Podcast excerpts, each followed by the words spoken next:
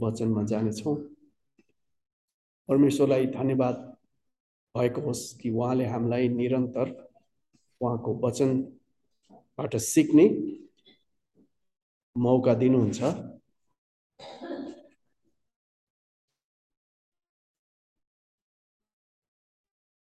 आज खास तपाईँहरूलाई कठिनाइको दिनमा कसरी जिउने बारे दानियलको गवाईको विषयमा हामी हेर्ने विचार गरिरहेको छौँ तर तपाईँलाई दानियलको गवाई पुग्नुभन्दा अगाडि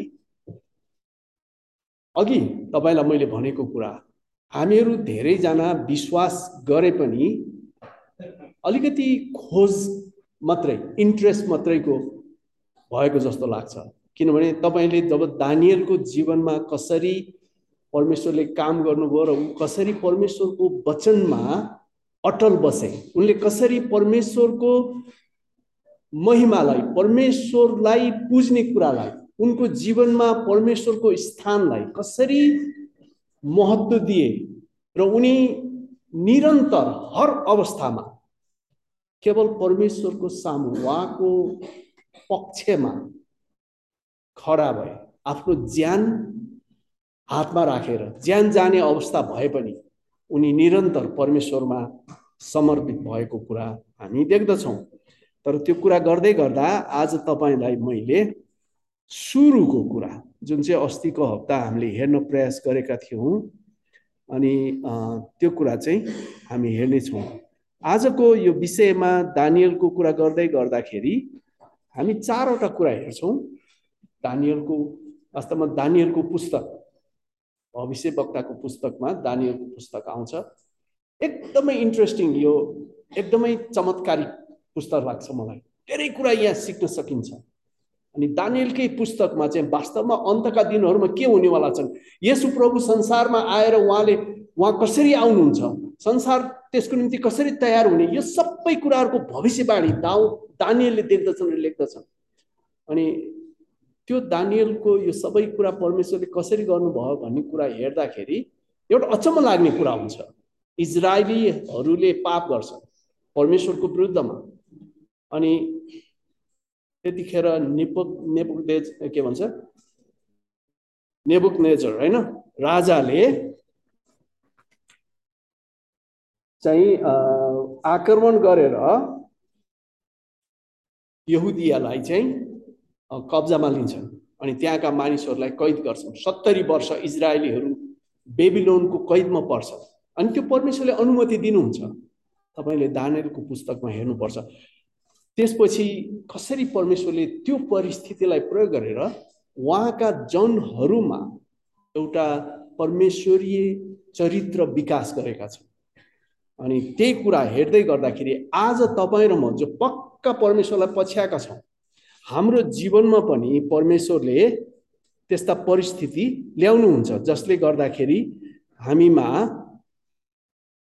उहाँ चरित्र विकास गर्नुहुन्छ। मैले तपाईँलाई अघि नै भने कसरी परमेश्वरले हामीमा दुःख आउन दिनुहुन्छ? जुन कुराले कतिचोटि हामीलाई धेरै कठिनाइ हुन्छ र हामीमा यसुको चरित्रमा उहाँले विकास गर्नुहुन्छ। त्यसैले अघि हामीलाई ती नानीहरूले योहन्ना सत्र अध्याय पढेर हामीलाई सुनाएको। अनि त्यहाँ यसु प्रभुको प्रार्थना। तपाईँले सम्झिनुहुन्छ त्यहाँ एउटा प्रार्थना कस्तो खालको छ? एक हुने प्रार्थना छ एउटा। त्यही कारण जहिले पनि म मण्डली भनेर विचार गर्दाखेरि त्यो ख्रिसको एउटा जीवित कुरा हो जो चाहिँ पवित्र आत्माको बन्धनमा एकतामा बाँधिएको हुन्छ। त्यही कारणले तपाईँ जहिले पनि सचेत हुनुपर्छ। कहिलेकाहीँ नर्मल कुरा नर्मल कुरा यसो शान्तिनो कुरा गर्दै गर्दाखेरि हामीलाई अचानक मण्डलीमा विभाजित गर्ने एउटा झुन्डमा खडा गरिदिन्छ। तपाईँ र म कति होसियारी हुनुपर्छ। सैतानले कसरी हामीमा आक्रमण गर्छ? अनि सैतानले आक्रमण गर्ने कुरामा सही विश्वासीहरूलाई सैतानले आक्रमण गर्छ। अनि सैतानले आक्रमण जहिले पनि उनीहरूको मनमा गर्छ। सैतानको एट्याक चाहिँ माइन्डमा हुन्छ। माइन्ड भनेको विचारमा हुन्छ। सबभन्दा पहिला मान्छेले पाप गर्दाखेरि के भयो? विचारबाट आयो। हवालाई सैतानले उसको विचारमा केही कुरा घुसाइदियो। उसले विचार गर्न थाली उत्पत्ति तिन अध्यायमा। म त परमेश्वर जस्तै हुने रहेछु विचार। होइन? अनि त्यसपछि पाप गरेपछि के हुन्छ? उनीहरूको विचार बेकममा हुन्छ। होइन? उनीहरूको विचार बेकममा हुन्छ। त्यसैले विचारबाट यो आक्रमण आउँछ भनेर हामी हेर्छौँ। त्यसैले आज यो तपाईँलाई सुरुको खण्डमा मैले हाम्रो विश्वासमा कसरी परीक्षा आउँदछ अनि तपाईँलाई दुई तिनवटा चोटि मैले वचन चाहिँ दिइसकेको छु। आत्मिकी लडाइँको सम्बन्धमा। अनि धेरैचोटि यहाँ त हामीलाई त क्रिस्चियन के हो र कसरी क्रिस्चियन जीवन जिउने उसको जीवनमा सबभन्दा मुख्य मुख्य कुराहरू के के हुन्छ? कुनै पनि व्यक्ति क्रिस्चियन हो कि होइन भनेर चिन्नलाई के हुन्छ? सबैभन्दा ठुलो कुरा चाहिँ उसको जीवनमा परमेश्वर पहिलो स्थानमा। एक्चुअली मैले तपाईँलाई भन्ने गरेको छु नि उहाँ चाहिँ एक नम्बरमा मात्रै होइन कि सबै ठाउँमा चाहिँ यसो हुनुहुन्छ। भनेको मतलब हामीले गरेको कामहरू पनि हामीले पढेको कुराहरू पनि हामीले कमाएको पैसाहरू पनि हामीले गरेको उद्योगहरू पनि हाम्रा सम्बन्धहरू पनि हाम्रो परिवारहरू पनि यसु ख्रिस्टलाई न के भन्छ केन्द्रमा राखेर गर्ने कुराहरू हो। बाइबलले त्यो कुरा सिकाउँछ। तर धेरै संसारमा यो कुरा म भन्न चाहन्छु। आजका क्रिस्चियनहरू किनभने त्यो मिडियाले गर्दाखेरि त्यसमा पनि हामी सचेत हुनुपर्छ। तपाईँ फेसबुकमा अथवा इन्टरनेटमा अनेक ठाउँहरूमा के भन्छ इन्स्टाग्राम टिकटक धेरै ठाउँमा तपाईँले आजकल कति किसिमको कुरा देख्नुहुन्छ। कहिले परमेश्वरले के अरे परमेश्वरको वचन प्रचार गर्ने मान्छे देख्नुहुन्छ। तर तपाईँलाई थाहा हुँदैन कि उनीहरू साँच्ची नै नयाँ जन्म पाएका र परमेश्वरलाई एक नम्बर होइन कि पूर्ण जीवन दिएका व्यक्ति हुन् कि होइन। त्यसैले तपाईँ र म आफै परमेश्वरको वचन पढ्नुपर्ने हुन्छ। त्यसैले तपाईँलाई सर्वप्रथम अलिकति छोटकरीमा म यो युद्धको कुरा अलिकति बचाउन चाहन्छु। यो युद्धको कुरा बताउँदै गर्दाखेरि मैले तपाईँलाई भनेको युद्ध चाहिँ मानिसको विचारमा हुन्छ होइन? युद्ध मानिसको विचारमा हुन्छ। जब मान्छेको विचार पापमा हुन्छ गलाती पाँचको उन्नाइसदेखिको एक्काइसको कुरा हुन्छ। अनि यो ख्रिसमा विश्वास नगरेको मान्छेको स्वभाव हो। अनि तपाईँ कतिचोटि तपाईँका साथीहरू तपाईँ आफैमा यी मध्ये केही केही कुराहरू तपाईँले पाउनुहुन्छ। तपाईँलाई थाहै हुँदैन कि तपाईँसँग सैतानले आक्रमण गरेर तपाईँलाई उसको दास बनाइसकेको। हामी चर्च जाँदैछौँ वचन सुन्दैछौँ अझ प्रचार पनि गर्दैछौँ होइन? यहाँ के लेख्छ पाप मय स्वभावका कामहरू प्रत्यक्ष छन्। यौन अनैतिकता व्याविचार भन्छ त्यसलाई। अपवित्रता भ्रष्ट आचरण मूर्ति पूजा। कतिचोटि मूर्ति पूजाको सम्बन्धमा मान्छेहरू त्यति राम्रोसँग बुझ्या छैन। साधारण सम्झिन्छन्। थाहा छ दशाज्ञामध्ये सबभन्दा मुख्य कुरा परमेश्वरको ठाउँमा अरू कुनै कुरालाई नमान्ने परमेश्वरको दिने इज्जत कुनै कुरालाई नदिने परमेश्वर नै सबै कुरा मान्नुपर्छ। हामीले उहाँको इच्छा हाम्रो जीवनमा उहाँलाई महिमा दिनलाई उहाँले बनाउनु मान्छेले पहिला नै भुलेर परमेश्वरको विरुद्धमा पाप गरेको कारण सारा संसार पापमा छ ताकि यसु ख्रिस्ट संसारमा परमेश्वरको सुन्दर योजना लिएर मानिसहरूको उद्धार गर्न उद्धारकर्ता भएर आउनुभयो। जुन चाहिँ दुई हजार वर्ष अगाडि त्यसको बारेमा हामीले पटक पटक सुनिराखेका छौँ होइन? अनि यहाँनिर लेखेको छ जा जादु टुना घृणा कलह ईर्ष्या। अब यो कलह धेरैचोटि देखिन्छ क्रिस्चियनको बिचमा। ईर्ष्या त्यो थाहै नपाइकन डाहा र ईर्ष्या मान्छेभित्र सधैँ हुन्छ। कोही कोही मान्छेहरू यतिसम्म ईर्ष्या हुन्छ कि आफ्नोभन्दा अर्काको छोराले पढाए पनि ईर्ष्या हुन्छ। अर्काको गाडी ठुलो भयो भने ईर्ष्या हुन्छ। थाहै हुँदैन होइन? कति गाह्रो छ। जब तपाईँले ख्रिस्टलाई आफ्नो जीवन पुरा दिएर चुर्लुममा डुब्नुहुन्छ अनि यस्तो के पनि हुँदैन। किनभने उहाँ तपाईँमा राज्य गर्नुहुन्छ। आज तपाईँलाई अलिकति म मात्रै छोटकरीमा भन्न खोजेको यो कसरी हामी यसुले विजय प्राप्त गर्नुभएको यो सबै पाप कर्म र सैतानका युक्तिहरूको विरुद्धमा उहाँले त्यसलाई कुल्चिसक्नु भएको। तपाईँ र म विजय जीवन क्रिस्चियन जीवन जिउन सक्ने एउटै स्रोत माध्यम तरिका विश्वासद्वारा उहाँको विजयलाई आफ्नो विजय मानेर उहाँसँग जिउने उहाँसँग रहने। यो क्रिस्चियन जीवन चाहिँ उहाँसँग रहने जीवन हो। जो उहाँको अनुग्रहमा उहाँको विजयमा सहभागी भएर उहाँसँग रहन्छ नि सैतानको कुरा लिएर तपाईँको साथी तपाईँको इष्टमित्र तपाईँको छिमेकीले खास खास खास खास कुरा गर्दाखेरि त्यो परमेश्वरले दिया हो कि कसले दिया चिन्नुपर्छ। नत्र मान्छे सजिलै फर्छ धेरैचोटि हामीलाई मनपर्छ त्यस्तो कुरा गर्नु होइन? अनि यहाँनिर के लेखेको छ? क्रोध स्वार्थी महत्त्वकाङ्क्षा यो स्वार्थी भन्ने कुरा चाहिँ मान्छेले नर्मल लाग्छ। सबैलाई कुनै पनि कुरा गर्दाखेरि त्यहाँ चाहिँ के पाइन्छ? मेरो लागि के छ? वास्तवमा ख्रिस्टलाई पछ्याउने मान्छे यो सबै कुरा क्रुसमा टाँगेको हुनुपर्ने। ख्रिस्टलाई पछ्याउने मान्छे उसको जीवनमा कदम कदम केवल परमेश्वरको महिमा र इच्छा खोजेको हुनुपर्ने। यो कुरो त हराइसकेका छ अहिले किनभने हामी धेरै साथीहरू छौँ हाम्रो सा क्रिस्चियनहरू छौँ हामी मजाले गफ गर्छौँ। उनीहरू त संसारकै कुरामा मुक्त छन्। हामीलाई नर्मल लाग्छ। प्रियहरू बाइबलको क्रिस्चियनहरू त्यस्ता छैन। उनीहरू त नयाँ। कोही ख्रिस्मा छ भने नयाँ सृष्टि हो। पाप गर्ने कुरालाई क्रुसमा मारिसकेको हुन्छ। अनि यहाँनिर के भनेको छ? भिन्न मत भिन्नता। यो सजिलोसँग मत भिन्नता विद्रोह गर्ने विद्रोधी भावना।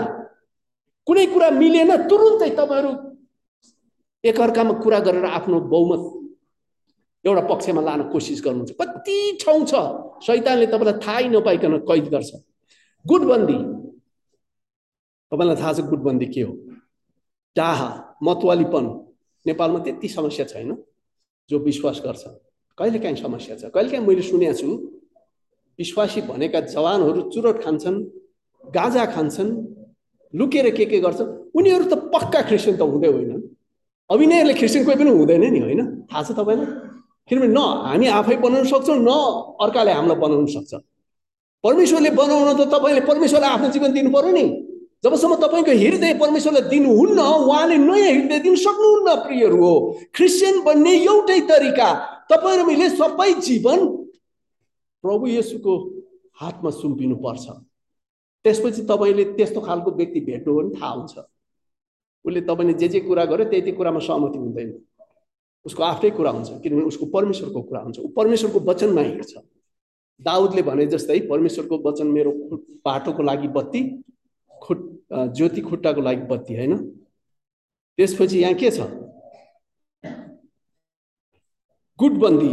डाहा मतवालीपन मोज मजा यस्तै अरू कुराहरू मैले पहिला गरे जस्तै अहिले पनि चेतावनी दिन्छु कि जो व्यक्ति यस प्रकारले जिउँदछ ऊ परमेश्वरको राज्यको उत्तराधिकारी हुँदै। त्यस कारण कतिको जीवनमा यसमध्ये एउटा न एउटा कुरा हुनसक्छ प्रियो। त्यस कारण जहिले पनि हामी परमेश्वरको अगाडि उहाँलाई जाँच लाउनुपर्छ। हामीले आफूले पनि जाँच्नुपर्छ। हरेक दिन किन तपाईँलाई हारको जीवन होइन उहाँले त विजेताको जीवन दिनलाई चुन्नु भएको छ। तपाईँ र मेरो जीवनमा के हुन्छ? लडाइँ चाहिँ आक्रमण चाहिँ माइन्डमा हुन्छ। यहाँ कोरन्ती पहिलो कोरन्ती दुईको स्वरमा पावलले के भन्छन् कोरन्तको विश्वासीहरूलाई कसले प्रभुको मनलाई जानेको छ? यो मन भन्छ नि यो चाहिँ दिमाग हो विचार हो।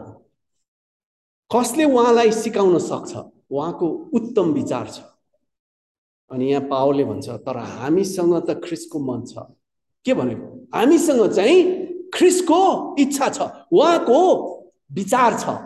उहाँको भावना छ। उहाँको सोचाइ छ। उहाँको जस्तै धारणा छ सपना छ सबै कुरा।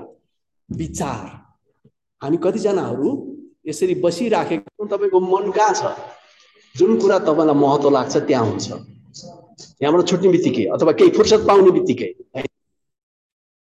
तर ख्रिस्काहरू उनीहरूको मनमा ख्रिस राख्नुपर्छ त्यसैले तपाईँ र ममा जबसम्म ख्रिसको मन आउँदैन हामी उहाँको इच्छाअनुसार जिउने कुरै छैन त्यो ख्रिसको मन कसरी आउँछ जसरी उहाँलाई हाम्रो जीवन दिन्छ उहाँले आफ्नो हृदय आफ्नो आत्मा हामीमा दिनुहुन्छ हामीले घरिघरि भन्छौँ नि पहिलो कोरन्ती तिनको स्वर हाम्रो शरीर परमेश्वरको मन्दिर अनि पहिलो कोरन्ती छ अध्यायमा हाम्रो शरीर चाहिँ पवित्र आत्माको मन्दिर। हामीमा पवित्र आत्मा बस्नुहुन्छ। तपाईँ र मेरो हिँडाइ बोलाइ सोचाइ विचार सब ख्रिसको जस्तो किन हुन्छ? हो त्यो पवित्र आत्मालाई हामीले अनुमति दिन्छौँ। हर घडी हर घडी।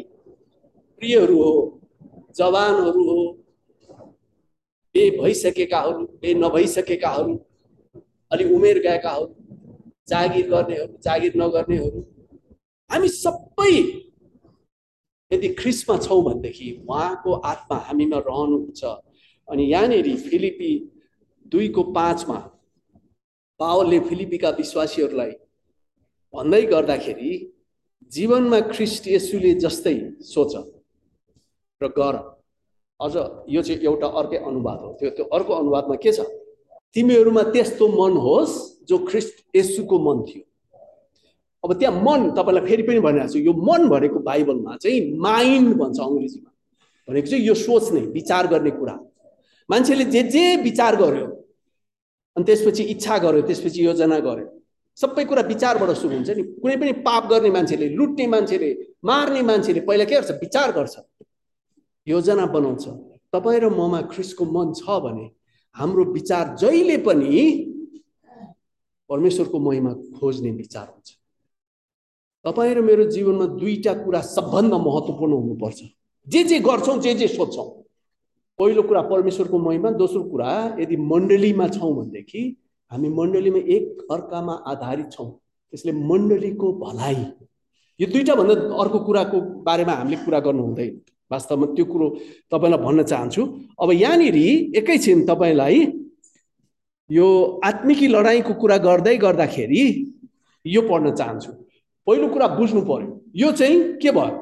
विचार परिवर्तन गर्नुहुन्छ। अनि त्यो विचार परिवर्तन कसरी हुन्छ? तपाईँलाई म यहाँ पढ्छु। एफिसी दुईको एकमा विचार परिवर्तन नहुँदाखेरि तिमीहरू आफ्नो अपराध र पापद्वारा मरेको बेलामा उहाँले तिमीहरूलाई जीवित पार्नुभयो। पाप र अपराधमा मान्छे के हुन्छ? आत्मिक रूपमा मर्छ। डेड खालि फिजिकल यसुलाई नचिनेको पापी मान्छे डेड मरेको हुन्छ प्रियहरू।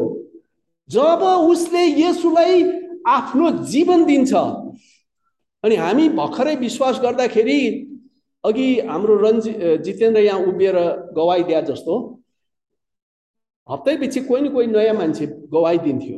आजकल त्यो कहाँबाट हरायो मलाई थाहा भयो त्यो गवाईमा एक दुईवटा कुरा हुन्थ्यो। तपाईँ त्यो बेलाको मान्छे हुनुहुन्छ भने कहिले काहीँ सम्झाउन सक्नुहुन्छ। उनीहरूले के भन्थ्यो भने अँ मैले मेरो जीवनमा यसु ख्रिस्टलाई मुक्तिदाता र प्रभुको रूपमा ग्रहण गरेर मेरो जीवन उहाँलाई सुम्पेँ उहाँले मलाई नयाँ जीवनको अनुभवमा ल्याउनु भयो। अनि म एकदम आशिषित भएँ यो गवाई अनि त्यो कसरी भयो? भन्ने कुरा उनीहरूले दिइराखेको हुन्थ्यो। आजकल कतिजनाको छ यो गवाई कि तपाईँ जो मान्छे क्रिस्चियन भने हिँडिराख्नु भएको छ तपाईँ गवाई छ? तपाईँले यसुलाई प्रभु स्वीकार्ने वास्तवमा यो स्वीकार्ने भने अङ्ग्रेजी शब्द कन्फेस भन्छ।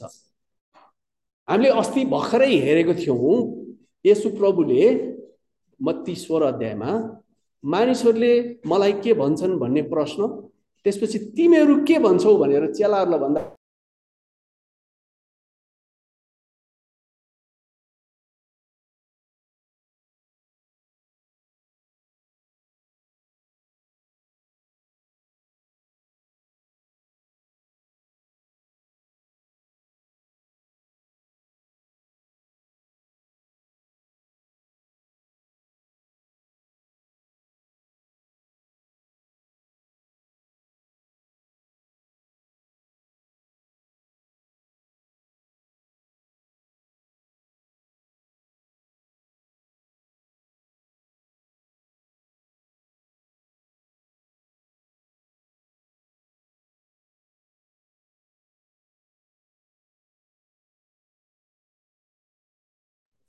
संसारको पापबाट मानिसहरूलाई छुटकारा दिनलाई मसिह उद्धारकर्ता पठाउने। त्यस कारण पाउले के अरे पत्रुसले त्यो कुरा भन्छ।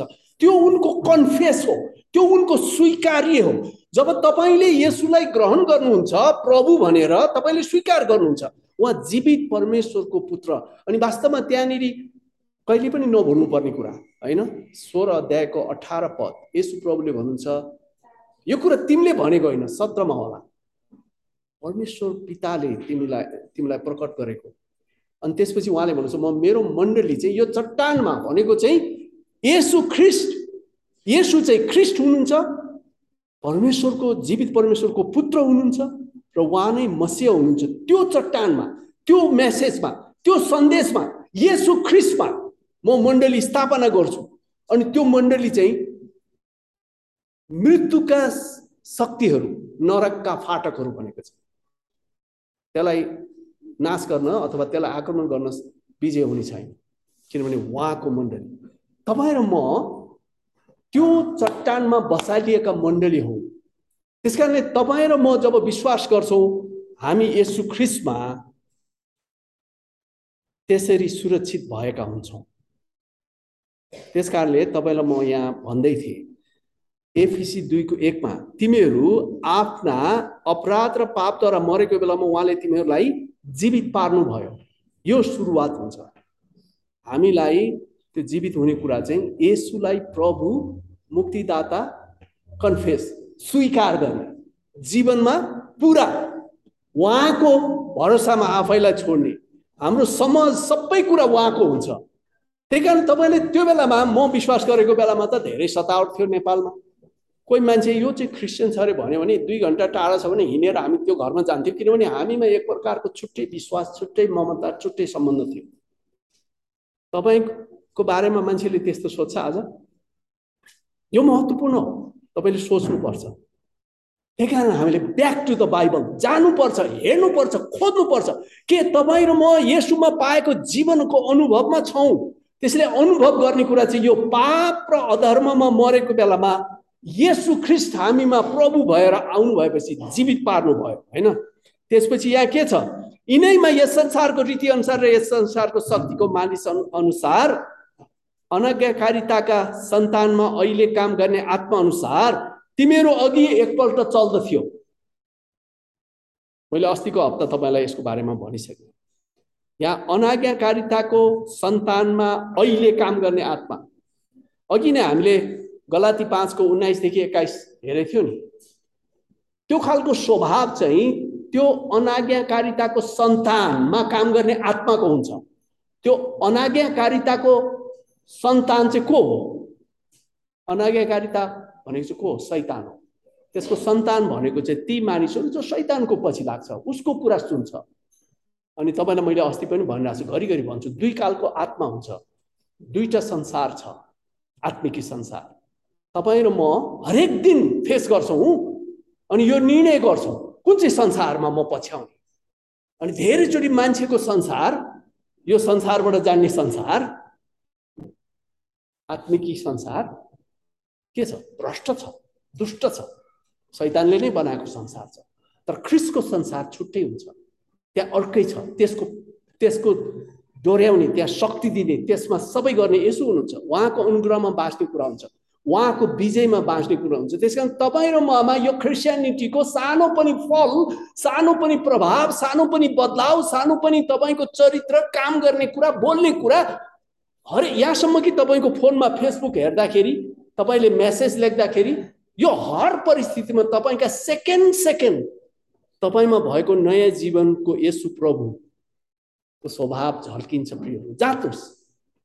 म बयालिस वर्षको अनुभवको कुरा गर्दैछु। एकैचोटि हुँदैन होला। कतिचोटि हामी फेरि गल्ती पनि चाहनाले होइन। कहिलेकाहीँ मिस्टेक हुन्छ नजानेर पर्फेक्ट छैन। सबैको लागि सुधार्ने मौका हुन्छ। तर कतिचोटि तपाईँ र म त रिपिटेड नयाँ जन्म भयो कि भएन विचार गर्नुपर्छ।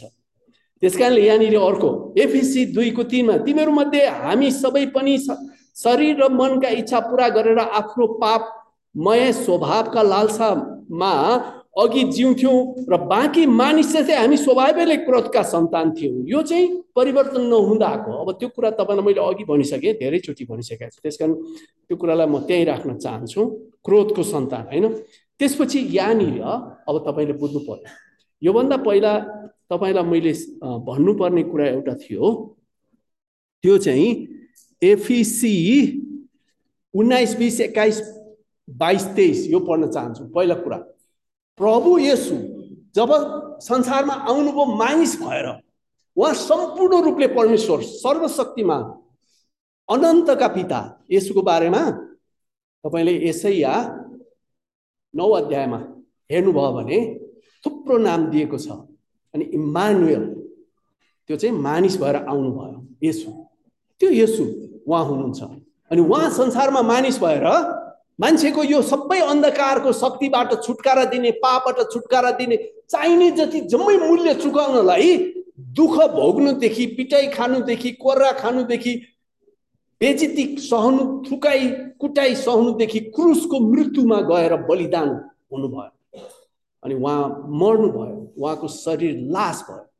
उहाँलाई गाडियो तेस्रो दिन परमेश्वरले उहाँलाई जीवित बनाएर उठाउनु भयो ऐतिहासिक रूपमा पहिलोचोटि यस्तो कुरा हुँदछ। अनि त्यसको बारेमा बाइबलमा प्रशस्त प्रमाण हामी देख्दछौँ। पाँच सयभन्दा बढी मानिसहरूले यसो बौरी उठ्नु भएको देख्दछ अनि जुन बाइबल लेख्ने यसु प्रभुले साढे तिन वर्ष बिताएका ती बाह्रजना एघारजना विशेष चेलाहरू सबैको आँखाको अगाडि यो घटना भयो। यो ऐतिहासिक रूपमा भयो। तपाईँले प्रेरितको पुस्तकमा हेर्नुभयो भने सबै देख्नुहुन्छ। तपाईँले मैले विश्वास गरेको कुनै एउटा दन्ते कथामा होइन। त्यसैले यहाँ के भनेको छ? यसुले के गर्नुभयो र के भन्दै हुनुहुन्छ? यो सिरियस कुरा हो। त्यो मात्रै पक्का यसुको छोराछोरी हुन्छ जसले यसलाई सिरियस लिन्छ यसु प्रभुले भन्नुहुन्छ नि तेरो हो चाहिँ हो होइन चाहिँ होइन भनेको चाहिँ इन बिट्विन चाहिँ होइन। हामी धेरैचोटि कहिलेकाहीँ त्यस्ताहरूको बिचमा बस्छौँ।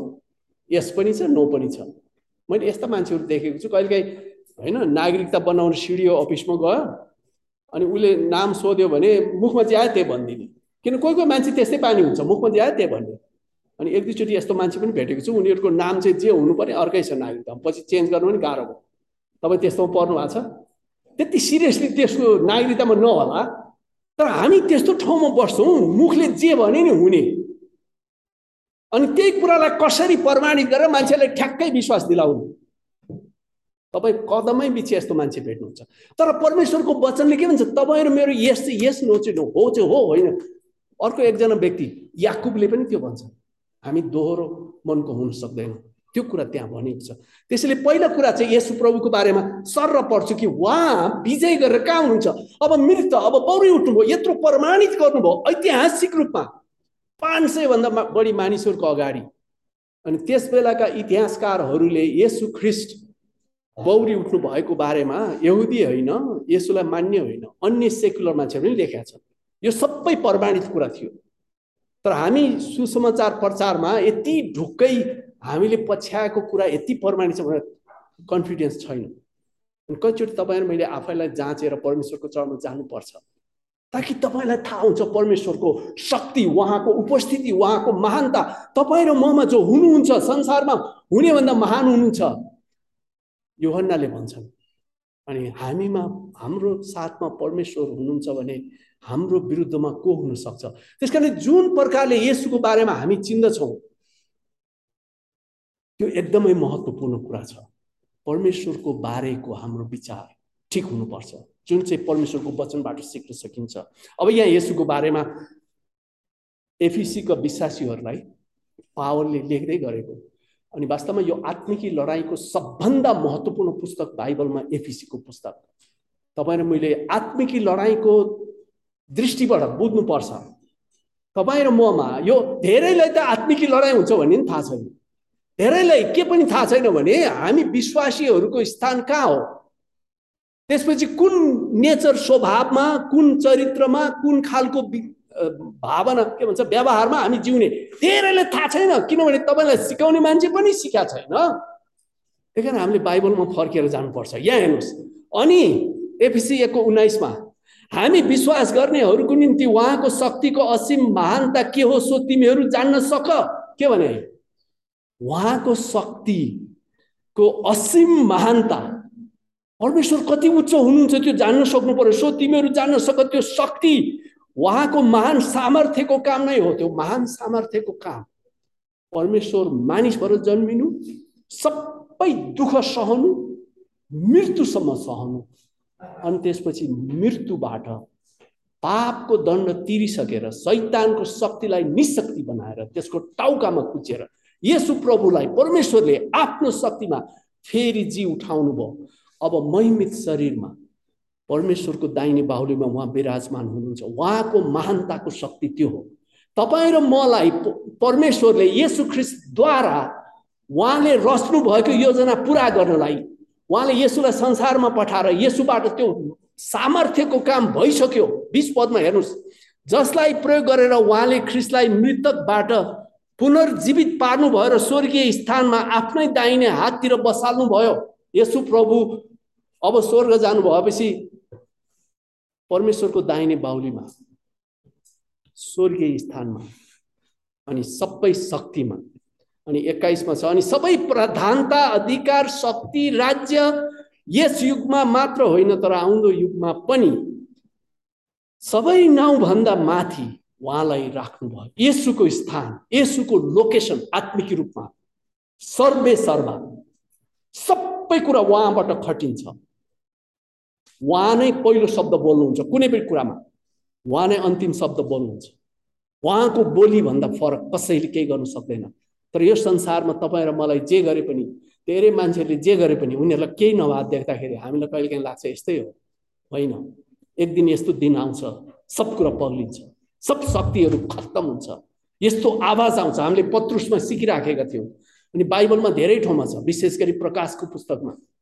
त्यही कारण हामी वार्निङ दिन्छौँ त्यही कारण हामीले मान्छेहरूलाई सुसमाचार सुनाउँछौँ किनभने ती मानिसहरू यो परमेश्वरको क्रोधबाट यो अन्तमा आउने दण्डबाट उहाँको न्यायबाट पापको त्यो पापबाट आउने सम्पूर्ण कुराहरूबाट बाँच्न सकुन् जसरी तपाईँ र मलाई परमेश्वरले बचाउनु भयो यसु प्रभुको स्थान। यसर्थ परमेश्वरले सबै कुरा उहाँको पाउबनी राखिदिनु भयो मण्डलीको निम्ति उहाँलाई नै सबै कुरामाथि शिर तुलाउनु भयो यसु ख्रिस्ट। मण्डलीको निम्ति शिर। त्यही कारणले तपाईँलाई म घरिघरि भन्छु यो मण्डली महत्त्वपूर्ण कुरा मण्डली भनेको यो भवन पनि होइन यो महत्त्वपूर्ण छ। हामीलाई यहाँ बस्नु मजा छ यो सबै ठिक छ। धेरै मान्छे अटाउने होइन।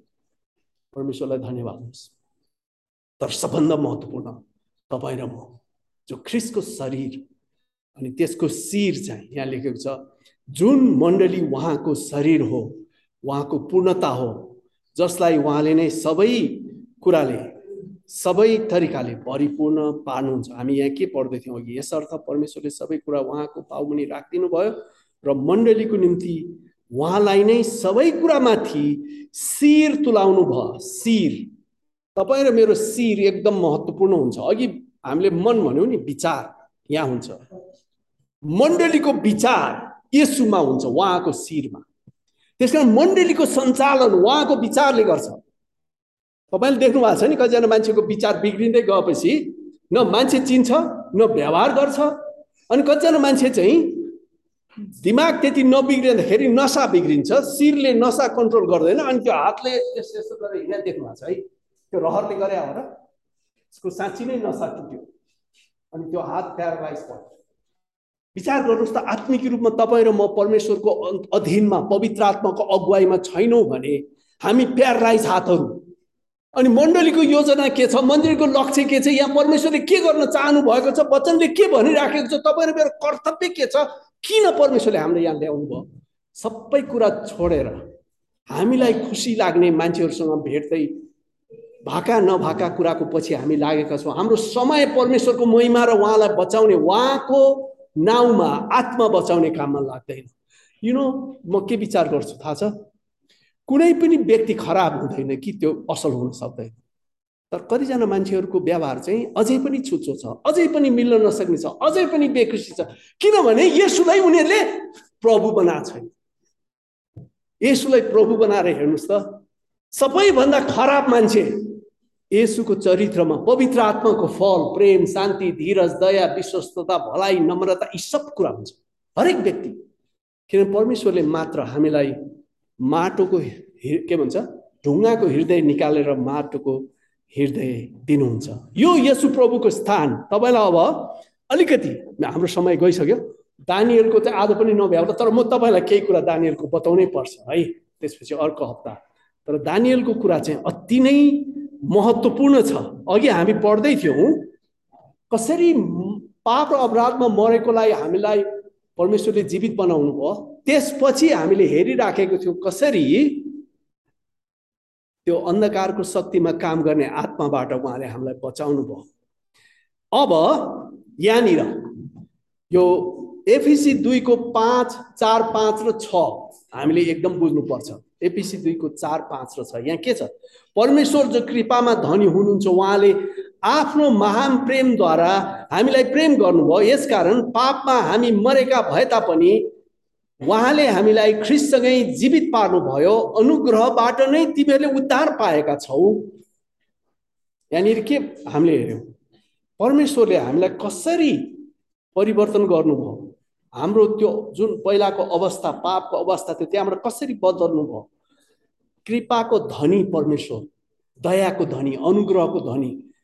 परमेश्वर असल कृपालु हुनुहुन्छ। उहाँले आफ्नो महान प्रेमद्वारा हामीलाई प्रेम गर्नुभयो। उहाँको प्रेमको कारण हाम्रो पाप क्षमा गर्नुभयो। अनि पापमा मरेको भए तापनि उहाँले हामीलाई यसुसँगै जीवित पार्नुभयो। अनि त्यो सबै कुरा अनुग्रहद्वाराबाट नै तिमीहरूले उद्धार पाएको छौ। हाम्रो हरेकको उद्धार कसैको क्षमताबाट सिपबाट इन्टेलिजेन्टबाट बोल्ने काम गरे केही कुराबाट होइन विश्वास उहाँमा उहाँले सिद्धै गर्नुहुन्छ। अनि त्यसपछि तपाईँ र मेरो लोकेसन कहाँ हुन्छ? अनि क्रिस्चियनले कसरी यो आत्मिक युद्धमा सफल विजयी जीवन जिउन सक्छ यो कुरो तपाईँ नभुल्नुहोस्। यहाँ के लेखा छ? यो तपाईँ हो आज जाँच्नुहोस् प्रभुको अगाडि जानुहोस् यो हो क्रिस्चियन एफिसी दुईको छमा के छ? उहाँसँग हामीलाई उठाउनु भयो जीवित बनाउनु भयो अघि होइन? अनुग्रहमा मुक्ति दिनुभयो। परमेश्वरको प्रेमले सबै कुरा गर्नुभयो। यो हरेक व्यक्तिको लागि उहाँले कसैलाई पनि पक्ष गर्नुहुन्न जस्तै यसतिर हेर्छ। प्रियहरू हामी कुन ठाउँबाट आउँ कुन कस्तो खालको शिक्षा होस् कुनै मतलब छैन। परमेश्वर एकदमै निष्पक्ष प्रेमी हुनुहुन्छ अनुग्रही हुनुहुन्छ। उहाँले हामीलाई ख्रिस्टसँग जीवित पार्नुभयो। त्यसपछि यसुमा नयाँ जन्म पाएका व्यक्तिहरूको स्थान यो पहिल्यै नभुल्नुहोस्। उहाँसँग हामीलाई उठाउनु भयो। अनि स्वर्गीय स्थानमा ख्रिस्ट यसुसँग बसाल्नु भयो। अघि हामीले यसु ख्रिस्ट कहाँ हुनुहुन्छ? परमेश्वरको दाहिने बाहुलीमा सबै अधिकार लिएर सबै शासन सबैमाथि शासन गर्ने शक्ति लिएर सर्वोच्चमा यसु हुनुहुन्छ। अनि उहाँसँगै उठाएर स्वर्गीय स्थानमा उहाँसँगै उहाँले हामीलाई बसाल्नु भएको छ। यु नो क्रिस्चियनहरू जो नयाँ जीवन पाएका छन् जसले ख्रिस्टलाई प्रभु मानेका छन् उहाँको योजना र इच्छालाई आफ्नो विचारमा आफ्नो योजना बनाएका छन्। ती व्यक्तिहरू त यसु ख्रिस्टसँग स्वर्गीय स्थानमा आत्मिक रूपमा बसालिएको छ भने के हो थाहा छ? आनन्दसँग बसेको। यो क्रिस्चियनहरू यसुको विजेतामा आनन्दसँग बसेको। कुनै कुराको चिन्ता गर्नु परेन। के हुन्छ कि? परमेश्वरले सुरक्षा दिनुहुन्छ प्रियहरू। यो कुरो बुझ्नुपर्छ। अनि अघि तपाईँलाई मैले भनेको थिएँ नि कहाँनिर आत्मिक युद्ध सुरु हुन्छ। विश्वास गरेको व्यक्ति त स्वर्गीय स्थानमा यसुसँगै बसेको छ। तर कसरी यो आत्मिक युद्ध हुन्छ? युद्ध दिमागमा हुन्छ। अनि फिसफुस यताबाट मान्छेले के के कुरा लगाउँछ? अनि हामीले के गर्छौँ? हामीलाई चिन्ता लाग्छ। अनि ए मान्छेले त के पो गरिसक्यो अरे? ए उसले त यस्तो पो गर्नु यहाँ त यस्तो पो हुनु अनि त्यस हामी चाहिँ हामी आफै विचार गर्न थाल्छौँ कि चाहिँ हामीलाई कसले मद्दत गर्न सक्छ? कुन उपायबाट हुन्छ? अर्को उपायतिर हामी लाग्छौँ। परमेश्वरको पछि परमेश्वरको भरोसामा रहँदैनौँ।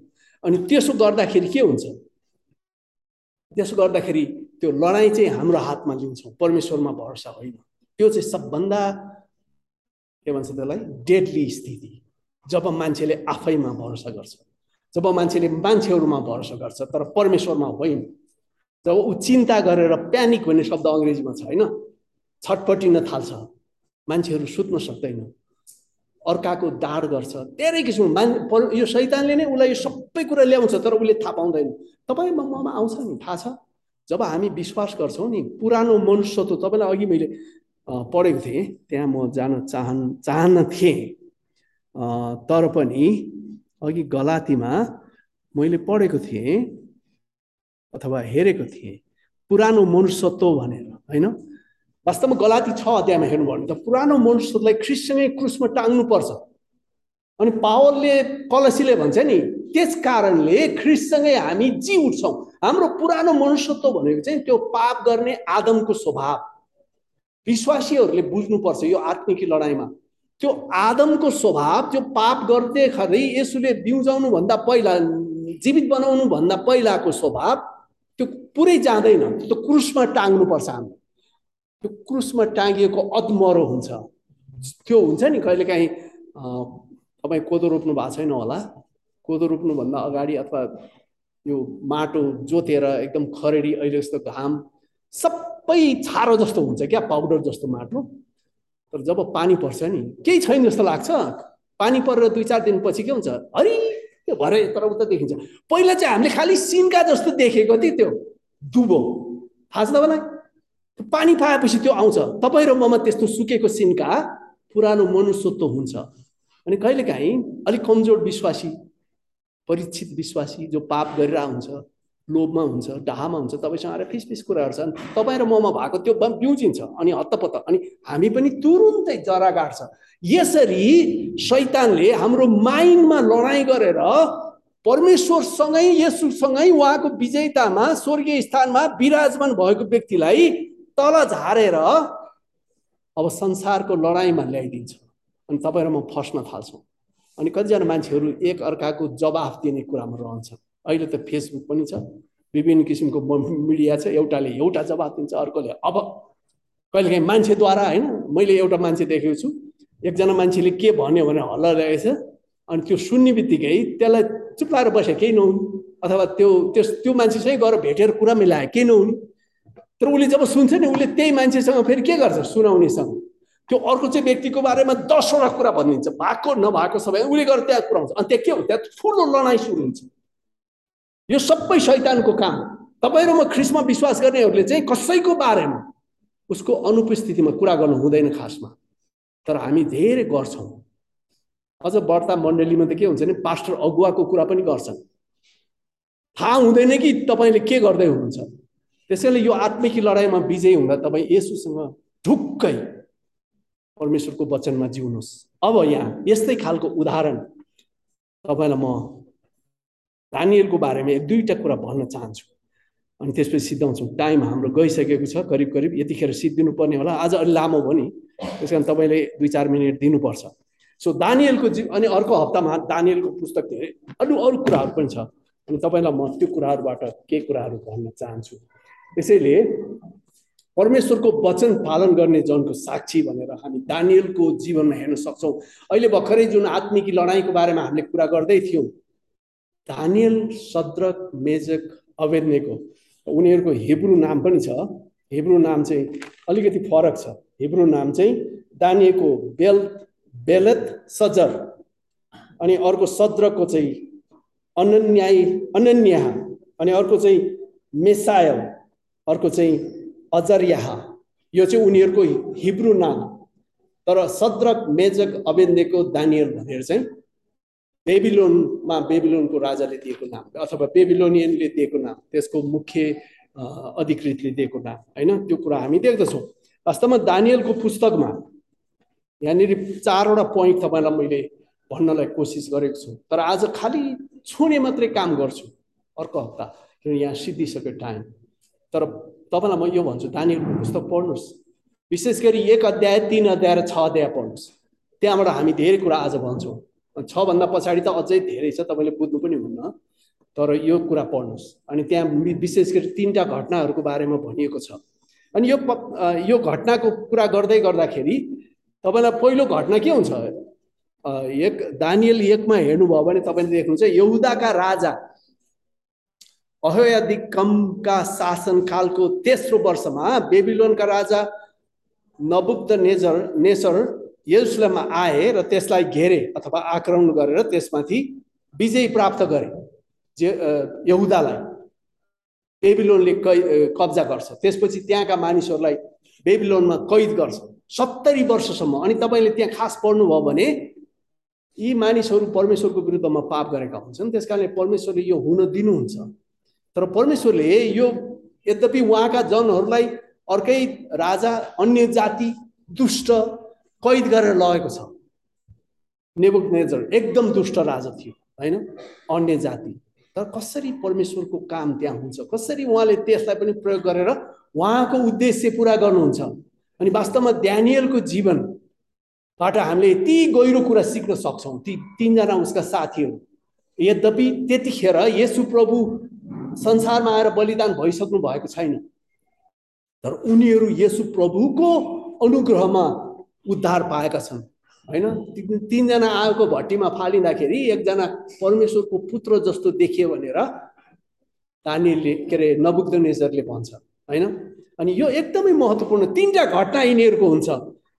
अनि त्यो तिनवटा घटनामा पहिलो घटना चाहिँ यिनीहरूलाई कैद गर्ने बित्तिकै नबुकनेजरले के सोध्छ भने यो हिब्रोहरू सबै इजरायली जवान केटाहरूमा देख्नमा सुन्दर बेस्ट अफ बेस्ट ल्याएर अनि उनीहरूलाई तालिम दिने। त्यो तालिम चाहिँ बेबिलोनको संस्कृति त्यहाँको विभिन्न किसिमका शिक्षाहरू त्यहाँको सब कुराहरू सिकाउने पोख्त बनाएर उसको आफ्नो राजकाजमा उनीहरूलाई नियुक्त गरेर चलाउने। त्यसको मतलब उसको आफ्नो उद्देश्य पुरा गर्नलाई यी चाहिँ एकदम सिपालु मान्छेहरू राख्ने। त्यो बेलामा यस्तो खालको जमानासम्म हुन्थ्यो तपाईँलाई थाहा छ? त्यो बेलामा कतिचोटि राजाको छोरा राजा हुँदैन। राजाले चाहिँ अर्को राजा बनाउँदाखेरि त्यस्तै सिपालु एकदम बिछट्ट बुद्धि भएको त्यस्तो खालको पराक्रमी मान्छेलाई ल्याएर नाम फेरेर राजा बनाउने चलन थियो। किनभने त्यो राजाले जे गर्छ त्यो एकदमै उसको देशलाई कन्ट्रोल गर्ने कुरामा हुँदथ्यो। त्यस कारणले यहाँनिर यो दानियलको विशेष गरी दानियलको गवाईको कुरा हामीले गर्दै गर्दै यो चारवटा कुरा देख्छौँ। पहिलो कुरा चाहिँ दानियल भन्छन् हामी संसारको ढाँचामा मिल्ने होइन अथवा चल्ने होइन तर संसारको ढाँचाबाट रूपान्तरण हुनुपर्छ। जुन चाहिँ पावलले रोमी बाह्रको एक विशेष गरी दुई पदमा भन्दछन् हरेक क्रिस्चियनले पछ्याउने कुरा हो त्यो। संसारको ढाँचा के हो? तर तपाईँ र मैले समस्या कहिले देख्छौँ? मान्छेहरू संसारकै ढाँचामा कुद्छन्। अनि त्यो संसारको ढाँचा पनि नबुझेर हामी पनि त्यसको पछि लाग्छौँ। त्यही कारण हामीले परमेश्वरको वचन हेर्नुपर्छ। दानियलको उदाहरण हामी देख्छौँ। उनी संसारको ढाँचामा जाँदैनन्। दोस्रो पोइन्ट समर्पित र असल साथीहरू एकअर्काको निम्ति सहयोग र मद्दत गर्छन्। परमेश्वरप्रति समर्पित र असल साथीहरू। अरूको लागि पनि उत्साह दिने मद्दत गर्ने हुन्छ। उनीहरूलाई सही बाटो धार्मिकतामा डोर्याउने हुन्छ। दोस्रो पोइन्ट तेस्रो पोइन्ट चाहिँ विश्वास योग्य र योग्य र समर्पित प्रार्थनाले कठिन अवस्थाबाट पार गर्न मद्दत गर्दछ। जुन चाहिँ दानियलको जीवनमा जुन सिंहको खोरमा उसलाई फालिन्छ सिंहको खोरमा के भन्छ? परमेश्वरले स्वर्गदूत पठाएर सिंहको मुख बन्द गरिदिनुहुन्छ। दानियललाई के परमेश्वरले यस्तो परिस्थिति राजाहरू शक्तिशाली तर एकदम दुष्ट।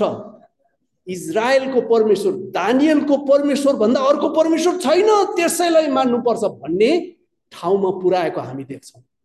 तर त्यो सबै गर्दाखेरि यी चारजना व्यक्तिहरू एउटा इन्च पनि परमेश्वरको बाटोबाट दाहिने बायाँ लाग्छ यो कुरो महत्त्वपूर्ण छ। तपाईँ र म यो संसारको मान्छेहरूको अगाडि मुख देखाउनलाई आँट नभएर उनीहरूले गर्ने काममा सहभागी हुन्छु। कतिचोटि मैले भन्दै गर्छु नि विश्वासी हुन्छन् आफ्नो आउ बाउलाई पनि म क्रिस्चियन भए भन्दैन।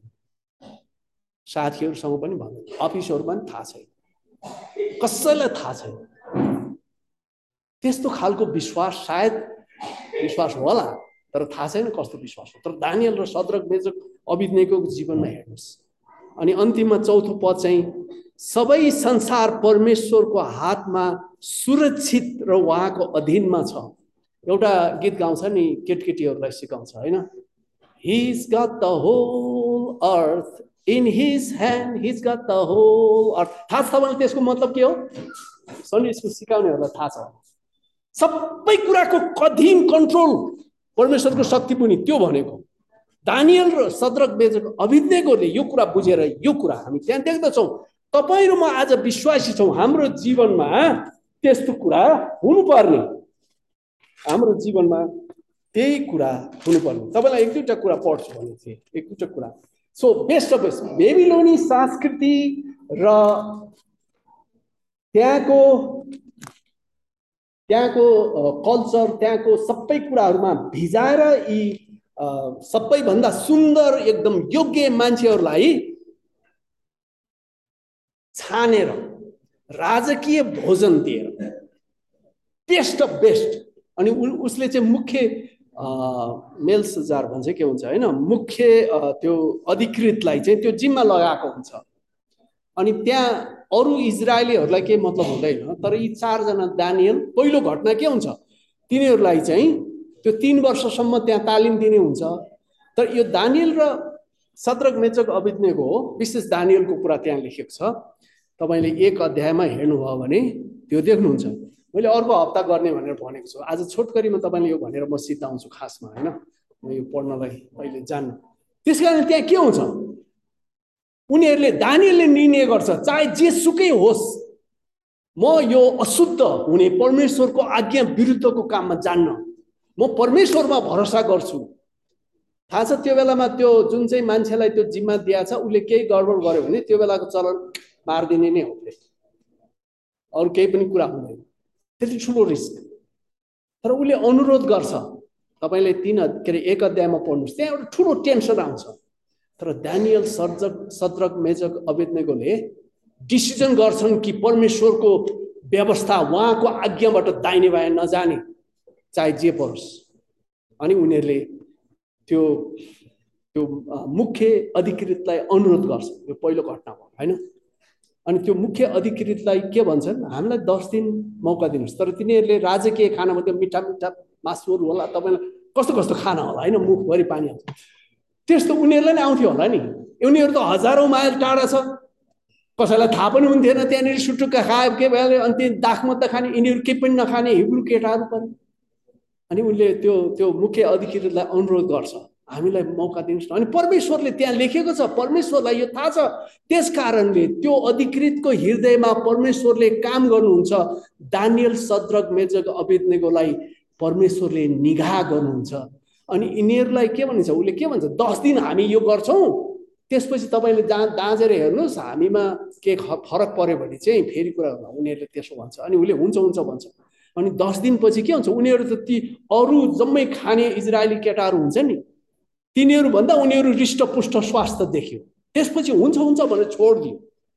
अनि त्यसपछि हामी के देख्छौँ? अन्तमा तिन वर्षपछि जब नेबोक नेजरले उनीहरूलाई डाकेर प्रश्नहरू सोध्छन् तिन वर्षसम्म साग र पानी होइन? तर यिनीहरूले कसको लागि गर्यो परमेश्वरको लागि। तपाईँ र म परमेश्वरमा विश्वास गरेर उहाँको लागि के चाहिँ छोडेका छौँ? यो मुख्य कुरा हो। संसारमा परमेश्वरले तपाईँलाई दिने आशिष कसैले थुन सक्दैन। तर धेरै जस्तो हाम्रो विचारमा हाम्रै विचार ठुलो परमेश्वरले दिने आशिष होइन। तपाईँले परमेश्वरको हातलाई काम गर्न दिनुभयो भने त्यो त धेरै ठुलो हात। तर हामी त हाम्रै हातले होइन? हाम्रै हातले। यो मानिसको स्वभाव हो। त्यसैले यहाँनिर पहिलो घटनामा पहिलो घटनामा हामी यो कुरा देख्दछौँ। पहिलो घटनामा के हुन्छ? जब जाँच गर्छन् उनीहरूले यहाँ के लेखेको छ? बिस पदमा तपाईँले देख्नुहुन्छ होइन। एक्काइस पदमा होला। राजाले बुद्धि र समझको बारेमा तिनीहरूलाई जे जति प्रश्न गरे अधिराज भरका जादुगिरी र तन्त्र मन्त्र गर्नेहरू भन्दा तिनीहरूलाई दस गुणा असल पाए। साग र पानी खाएर। किनभने यिनीहरूलाई परमेश्वरले समझ दिनु भएको थियो। अनि तपाईँले यहाँनिर पढ्नुभयो भने यी चार जवान मानिसहरूलाई परमेश्वरले सब किसिमका साहित्य शिक्षाको ज्ञान समझ दिनुभयो अनि दानियल सबै किसिमका दर्शन र सपनाको अर्थ खोल्न सक्ने भए तपाईँले पढ्नुपर्छ। दानियलले कति सपना कति दर्शन कति कुरा देख्दछन्। दानियलको पुस्तकमा हामीले यस प्रभुको आगमन बारे अन्तका दिनहरूमा हुने चा चिन्हहरूबाट धेरै कुराहरू त्यहाँ हामी देख्दछौँ। त्यसैले दानियल खोरेस राजाका शासनकालको पहिलो वर्षसम्म त्यहाँ रहन्छन्। परमेश्वरको नियम परमेश्वरको आदर परमेश्वरको आज्ञालाई मुख्य मानेका छन् दुष्ट अन्य जाति राजाको अगाडि। कम्प्रोमाइज गरेन सम्झौता गरेन। तर परमेश्वरले उनीहरूलाई सुरक्षा दिनुभयो। अनि त्यो कति महत्त्वपूर्ण कुरा। किनभने उनीहरूले संसारको ढाँचामा नचलेर आफैलाई परमेश्वरमा रूपान्तरण गरेका थिए। दोस्रो कुरा चाहिँ समर्पित र असल साथीहरू एकअर्काको निम्ति सहयोग र मद्दत गर्ने कुरा। अनि तपाईँले देख्नुहुन्छ दोस्रो घटना चाहिँ के हुन्छ यहाँ भन्दाखेरि अब त्यहाँनिर खासमा कहाँबाट समस्या आउँछ? यो पहिलो समस्या त उसै आयो। उनीहरूलाई त्यो खाना दिनु पर्थ्यो उनीहरूले नखाने भयो परमेश्वरले सहायता गर्नुभयो। त्यसबाट परमेश्वरको शक्ति अझ उनीहरूको निम्ति विश्वासमा बढाइदियो। दोस्रो घटनामा चाहिँ राजाको विचार बदलिदिन्छ नबुक्द नेजर राजाले अब इजरायली परमेश्वर मात्र परमेश्वर भन्ने ठाउँमा पुऱ्याइदिन्छ। कति ठुलो गवाई दानियलको जीवनमा कि उसले परमेश्वरको पक्षमा मृत्युको ख्याल नगरेर आफैलाई राख्दछन्। अनि त्यहाँ चाहिँ के हुन्छ? ती अरू केटाहरू जो उनीहरूसँगै थियो उनीहरू उनीहरूको जहिले पनि डाडिन्थे किनभने यिनीहरू त सत्य बोल्ने एकदमै इमान्दार एकदमै मेहनती एकदमै अनि राजा अरूले पनि यिनीहरूलाई मान्थे यिनीहरू उन्नति भएर गइराखेको थियो। त्यसपछि एउटा रचन यी हिब्रूहरूले चाहिँ मूर्ति पूजा गर्दछन् त्यस कारण यसमा चाहिँ हामी पार्छौँ। त्यसपछि के गर्छ? त्यो राजालाई गर एउटा सुनको तिम्रो मूर्ति बनाऊ अनि केही समयको लागि सबै बाजा बजाउने अनि त्यो बाजा बजेको बेलामा सबैले त्यसलाई ढोक्नु पर्ने अनि त्यहाँनिर त्यो सबै कुरा हुन्छ मूर्ति खडा हुन्छ। अनि त्यसपछि तपाईँले तिन अध्याय दानीहरूमा पढ्न सक्नुहुन्छ। त्यसपछि बाजा बज्छ सबैले ढोक्छन् तिनजना मान्छे खडा नै रहन्छ सद्रक मेजक अवेदनको जीवित सर्वशक्तिमान परमेश्वर बाहेक कसैको अगाडि हामी झुक्दैनौँ उनीहरूको अठोट हुन्छ। राजा उनीहरूको लागि के हो परमेश्वरमा उनीहरूको भरोसा। यस्तो खालको गवाई यी व्यक्तिहरूमा हामी देख्दछौँ। तुरुन्तै त्यो त्यो कुरा त्यो के भन्छ त्यो त्यो कुरा चाहिँ त्यो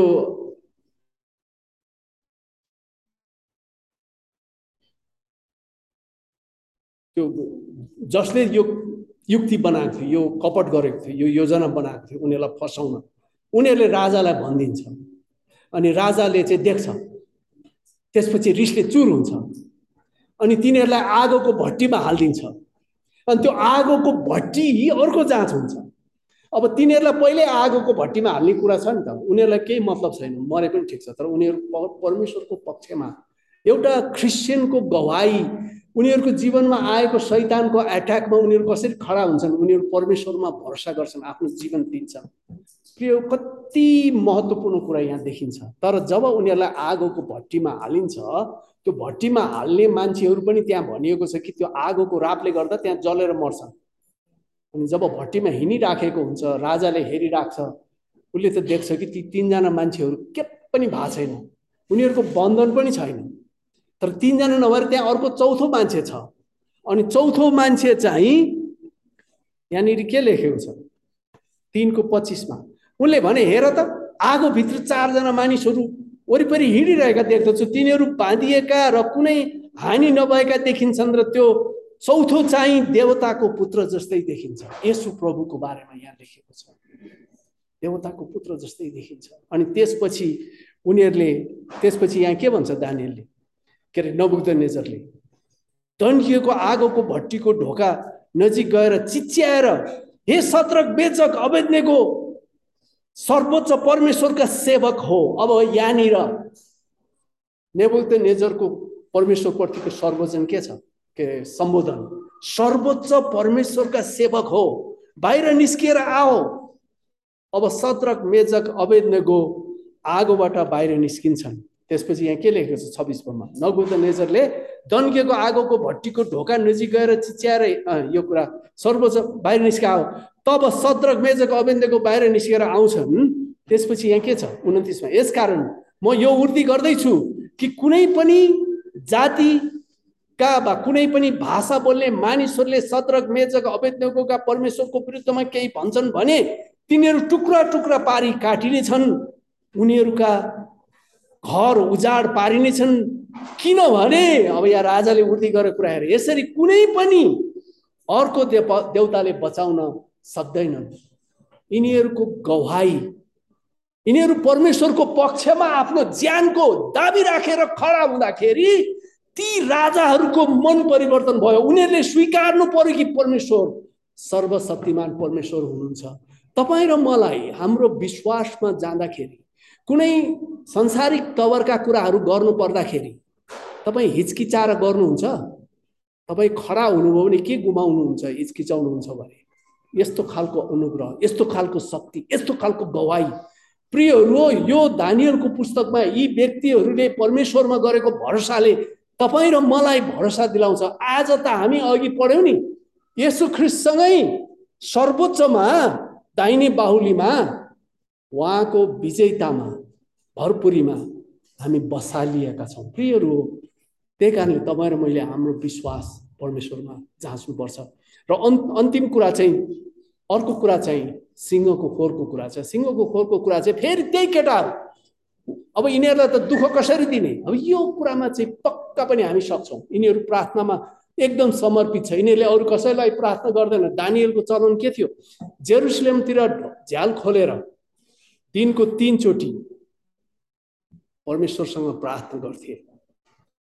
अनि त्यो प्रार्थना गर्ने टाइम उनले कहिल्यै सम्झौता गर्दैन थिए। यिनीहरूको जीवनमा यद्यपि यिनीहरू दुष्ट अन्य जाति परमेश्वरलाई नचिन्ने त्यस्ता राजाहरूको अधीनमा उनीहरूको शक्ति पनि काम गरेका छन् तर यिनीहरू परमेश्वरका जन भएर जिएका छन्। त्यहाँ परमेश्वरको महिमा भन्दा यताउता दाहिने बायाँ जाँदैनन् प्रभु। प्रियहरू यिनीहरूलाई परमेश्वरले बुद्धि दिनुभएको थियो। अनि नभन्दै पक्रिन्छन् दानियल बिहानै उठेर के गर्छन्? प्रार्थना गर्छन्। प्रवासमा रहेका इजरायली जातिहरू परमेश्वरका जनहरूलाई सुरक्षा देऊ परमेश्वरको महिमा होस् उहाँको महिमा फैलियोस्। उनले प्रार्थना गर्छन् कि त्यहाँका अन्य मान्छेहरूले पनि परमेश्वरलाई चिन्नु अनि फेरि बाह्र बज्छ प्रार्थना गर्छन्। फेरि तिन बज्छ। प्रार्थना गर्छन्। अनि यी मान्छेहरू चियो लाया हुन्छन्। तुरुन्तै त्यतिखेर चाहिँ दारा राजा होइन? गएर उसलाई बताइदिन्छन्। यद्यपि दारा राजालाई दा यो दानियलप्रति आस्था थियो प्रेम थियो उनीहरूलाई मन पराउँथे। किनभने उनी त एकदमै इमान्दार मान्छे थिए नि। इमान्दार मान्छे सत्य बोल्ने मान्छे भलो गर्ने मान्छे कसले मन पराउँदैन? यिनीहरूले मन पराउँथे।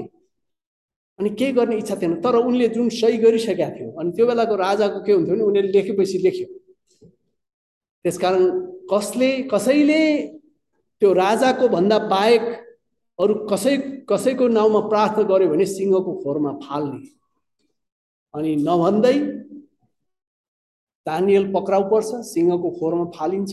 छ अध्यायमा तपाईँले देख्नुहुन्छ यो कुरा होइन? छ अध्यायमा दानियलको। अनि तारा राजाको बारेमा त्यहाँ लेखिएको छ उनी चाहिँ रातभरि चिन्ता गरेर निधाएनन् बिहान सबैले उठेर कुदे। आशा गर्दै थिए कि दानियल चाहिँ उसलाई दानियललाई खतम गर्ने विचार थिएन विचार तर उनी उनले त्यो सही गरे हुनाले गर्नै पर्यो। अनि ढोका खोल्छन् अनि त्यहाँनिर देख्छन् दानियल एउटा कुनामा चुलो लाएर बसिराखेको। अनि सोध्छन् दानियल तिम्रो परमेश्वरले तिमीलाई बचाउनु हो? मलाई थाहा थियो। उहाँले तिमीलाई सुरक्षा दिनुहुनेछ। उसले भन्छ परमेश्वरले गब्रियल स्वर्गदूत पठाएर सिंहका मुख थुनिदिनु भयो म त सबै ठिकै छु। अनि त्यहाँ के हुन्छ? ती मानिसहरू जसले चाहिँ ती सबै कक्ताली गरेर उनलाई हालेका थिए सन्तानसम्म सिंहको खोरमा फालिदिए। तर तिनीहरू चाहिँ काराकुरुक हड्डीसम्म सिंहले खाइदियो यो एकदमै भएको घटना हो खासमा। तपाईँलाई योभन्दा बढी भन्न चाहन्न तर यो दानियलको गवाईमा अर्को हप्ता हामी हेर्नेछौँ। दानियल एक अध्याय दुई अध्याय तिन अध्याय। अलिकति एउटा सर्टकट ओभरभ्यू अलिकति गर्नेछौँ। अनि तपाईँले दानियलको पुस्तक पढ्नुहोस्।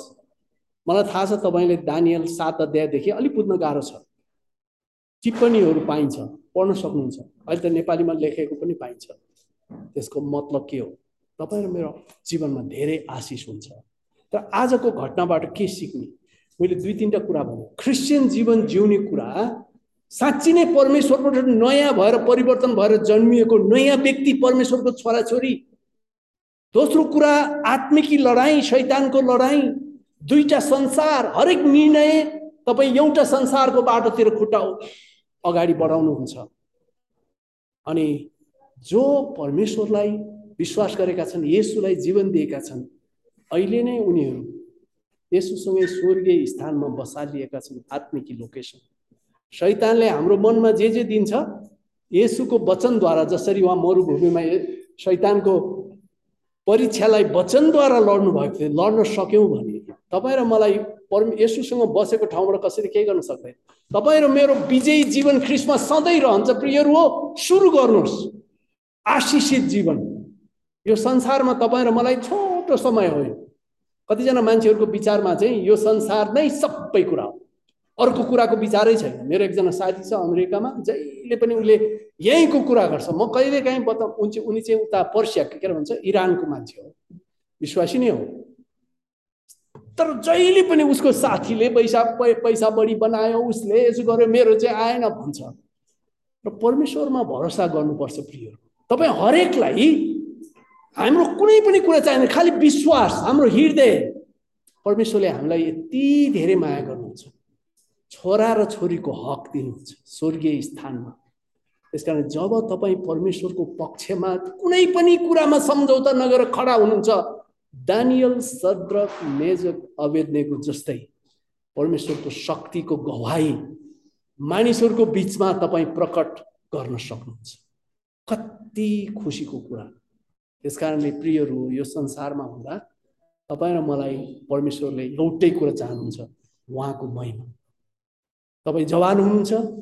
हेर्नुहोस् तपाईँले कसरी दिन काट्नुभयो? गएका तिन वर्ष चार वर्ष एक महिना दुई हप्ता एक दिन। यु के परमेश्वर तपाईँको प्रभु हुनुहुन्छ? के उहाँको महिमा तपाईँको उद्देश्य छ? तपाईँले गरेका छैन भने यो नसोच्नुहोस् कि तपाईँ परमेश्वरसँग हुनुहुन्छ। जो मान्छे परमेश्वरमा छ स्वर्गीय स्थानमा। यो चाहिँ क्रिस्चियन हो। बयालिस वर्षसम्म मैले यो अनुभव गरेको छु। तल माथि तल माथि आउँछ। तर प्रभुले मलाई जुन कुरा दिनुभएको छ सुरक्षित राख्नलाई उहाँले मलाई अनुग्रह गर्नुभएको छ। पावले भन्छ नि तर कसमाथि विश्वास राखे? म जान्दछु र निश्चय छु त्यो दिनसम्म उहाँले मलाई सुरक्षित राख्नुहुनेछ। आफैलाई जाँच्नुहोस् र समर्पण गर्नुहोस्। हामीहरू प्रार्थना गर्नेछौँ। त्योभन्दा पहिला तपाईँलाई म भन्न